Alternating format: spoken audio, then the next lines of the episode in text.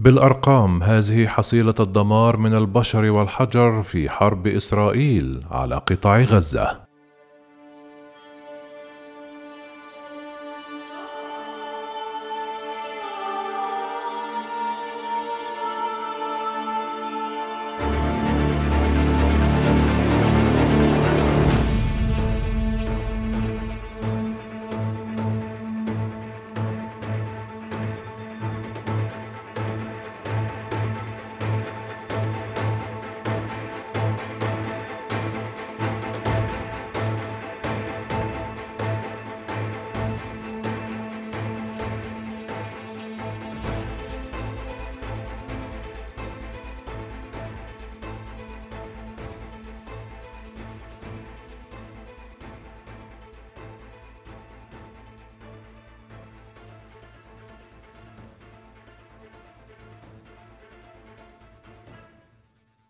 تسبب القصف الجوي الإسرائيلي لغزة في مقتل أكثر من 243 فلسطينيا. بينهم 66 طفلا وإصابة أكثر من 1900 وفي إسرائيل أودت الهجمات الصاروخية بحياة 12 شخصا وأصابت المئات. فقد أعلنت وزارة الصحة الفلسطينية في غزة ارتفاع حصيلة ضحايا القصف الإسرائيلي على القطاع إلى 232 بينهم 65 طفلا و39 سيدة وإصابة 1910 ومن بين الإصابات أيضا 560 طفلا و380 سيدة و91 مسنا وفي إسرائيل بالمقابل تسببت الصواريخ التي أطلقتها حماس والفصائل من قطاع غزة باتجاه تل أبيب بمقتل 12 شخصا وإصابة 335 آخرون بجروح وذلك وفقا للشرطة الإسرائيلية. فقد بلغت الخسائر المادية الأولية في قطاع غزة عشرات الملايين من الدولارات فوفق وقالة أونرو إن الهجمات الإسرائيلية أدت أيضا إلى نزوح أكثر من 75 ألف فلسطيني. لجأ منهم 28700 إلى مدارس تابعة للوكالة. كما تسبب قصف غزة بأضرار بنحو 40 مليون دولار للمصانع والمنطقة الصناعية للقطاع ومنشآت صناعية أخرى. هذا بالإضافة إلى أضرار بلغت 22 مليون دولار لقطاع الطاقة كما قدرت وزارة الزراعة في غزة الأضرار بنحو 27 مليون دولار شملت الأراضي الزراعية. وفي الجانب الإسرائيلي قالت رابطة المصنعين أن الخسائر التي تكبدها الاقتصاد في الفترة بين الحادي عشر والثالث عشر من مايو بلغت 166 مليون دولار. كما تعرض قطاع غزة لخسائر بشرية ومادية فادحة ما دفع بوكالة أنرو إلى توجيه مناشدات لدعم مالي دولي عاجل لإغاثة سكان غزة وتوفير مبلغ 38 مليون دولار لتغطية الاحتياجات الإنسانية. وبعد مرور أكثر من أسبوع على المواجهة الحالية بين كل من إسرائيل والفلسطينيين في قطاع غزة، يرى الجانبان أنهما نجحا في تحقيق أهدافهما المرجوة.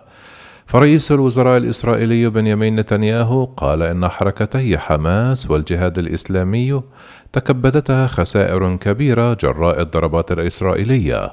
كما أوضح نتنياهو خلال جلسة لتقييم الأوضاع في مقر قيادة المنطقة الجنوبية العسكرية أن حماس تكبدت ضربات لم تتوقعها. وأن حماس رجعت سنوات كثيرة إلى الوراء. سنواصل العملية العسكرية وفق الحاجة من أجل استعادة الهدوء للمواطنين الإسرائيليين. من جانبه قال عفير جندلمان المتحدث باسم نتنياهو في مقابلة مع برنامج نقطة حوار أن إسرائيل ضربت حماس بشكل غير مسبوق. قتلنا قادة كبار ودمرنا مائة كيلومتر من الأنفاق ومئات من راجمات الصواريخ حماس هي من اختارت التصعيد ولنا الحق في الدفاع عن أنفسنا فيما قال بيان للجيش الإسرائيلي منذ أطلق قرابة أربعة آلاف وسبعون صاروخا من غزة نحو إسرائيل حيث سقط 610 داخل غزة بنسبة نجاح للقبة الحديدية في اعتراض الصواريخ بلغت 90%. من جانبها أشارت صحيفة جيروزالم بوست الإسرائيلية إلى التكلفة الباهظة جدا لاعتراض كل صاروخ محلي الصنع يطلقه فلسطينيون من غزة. وأضافت من المعروف أن صواريخ القبة الحديدية المعترضة تكلف أكثر بكثير من صواريخ حماس التي تسقطها مشيرة إلى أن هذه التكلفة تقدر بخمسون إلى مائة ألف دولار لكل اعتراض. وفي هذا الصدد ذكرت الصحيفة ذاتها أن تكلفة صاروخ حماس قصير المدى تقدر ما بين 300 إلى 800 دولار لكل صاروخ. أقفلت إسرائيل مطاراتها وتوقف تدفق النفط في إيلات بعد ضرب الأنابيب الناقلة، وتوقف حقل غاز تمار وفقدت البورصة الإسرائيلية أكثر من 30% من قيمتها السوقية لقد تضرر كل فرد في إسرائيل جراء هذه الحرب التي فرضتها إسرائيل على الشعب الفلسطيني شروعا من حي الشيخ جراح وباب العمود حتى الساعة الثانية من منتصف ليلة الجمعة. وأعلنت الشرطة الإسرائيلية أيضا عن اعتقال 1400 شخص 90% منهم من فلسطيني الداخل بشبهة الضلوع بأعمال شغب على خلفية التصعيد الأخير مشددة على أن من ألحق أضرارا سيدفع الثمن. هذا وكشفت هيئة البث الإسرائيلية أن جهاز الأمن العام الإسرائيلي الشباك يواصل ملاحقة الضالعين في موجة العنف، وقد اعتقل عدد من المواطنين اليهود بشبهة الاعتداء على مواطن عربي في القدس في الأسبوع الماضي مما أدى إلى إصابته بجروح بالغة الخطورة.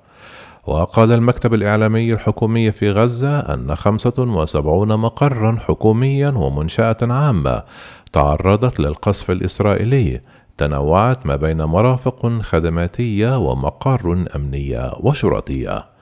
تضررت 86 مدرسة ومرفقا صحيا وعيادات رعاية أولية بشكل بليغ وجزئي بفعل القصف الشديد في محيطها فيما تضررت 490 منشأة زراعية من مزارع حيوانية وحمامات زراعية وآبار وشبكات ري.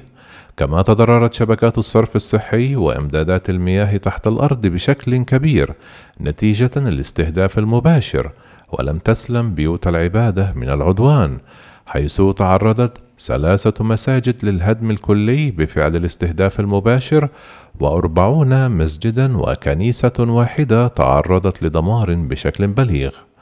وقصف جيش الاحتلال أكثر من 300 منشأة اقتصادية وصناعية وتجارية وهدم سبعة مصانع بشكل كلي وألحق أضرارا بأكثر من 60 مرفقا سياحيا كما تضرر 31 محولا للكهرباء في غزة وذلك بفعل هجمات الاحتلال الإسرائيلي كما تعرضت تسعة خطوط رئيسية للقطع. كشفت الإحصائيات الحكومية الفلسطينية أيضا عن تضرر 454 سيارة ووسيلة نقل بشكل كامل أو بأضرار بليغة. وبحسب وكالة غوث وتشغيل اللاجئين الفلسطينيين أونرو فقد أفضت الهجمات الإسرائيلية إلى نزوح أكثر من 75 ألف فلسطيني من مساكنهم.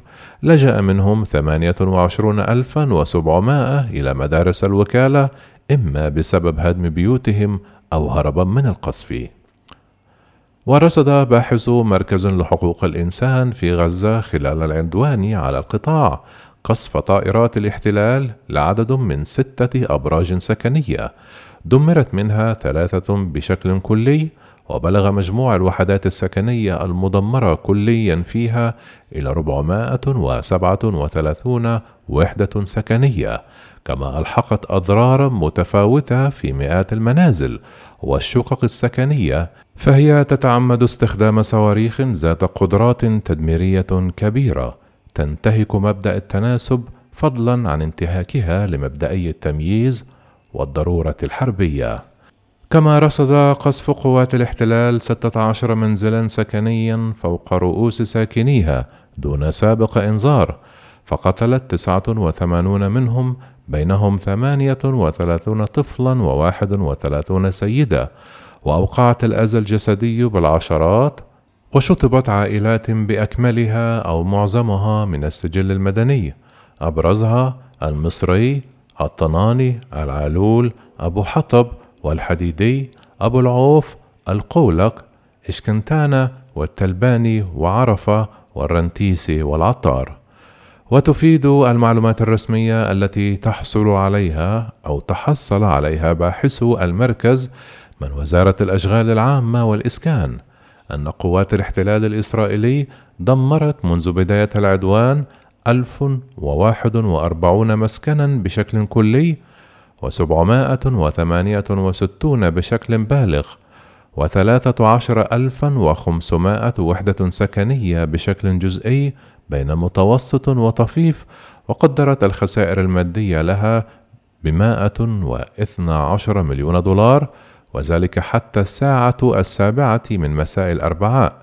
ويأتي العدوان ليضيف هذه الأرقام ويزيد من العجز القائم في الوحدات السكنية والحاجة إلى بناء 96 ألف وحدة سكنية قبل العدوان الحالي.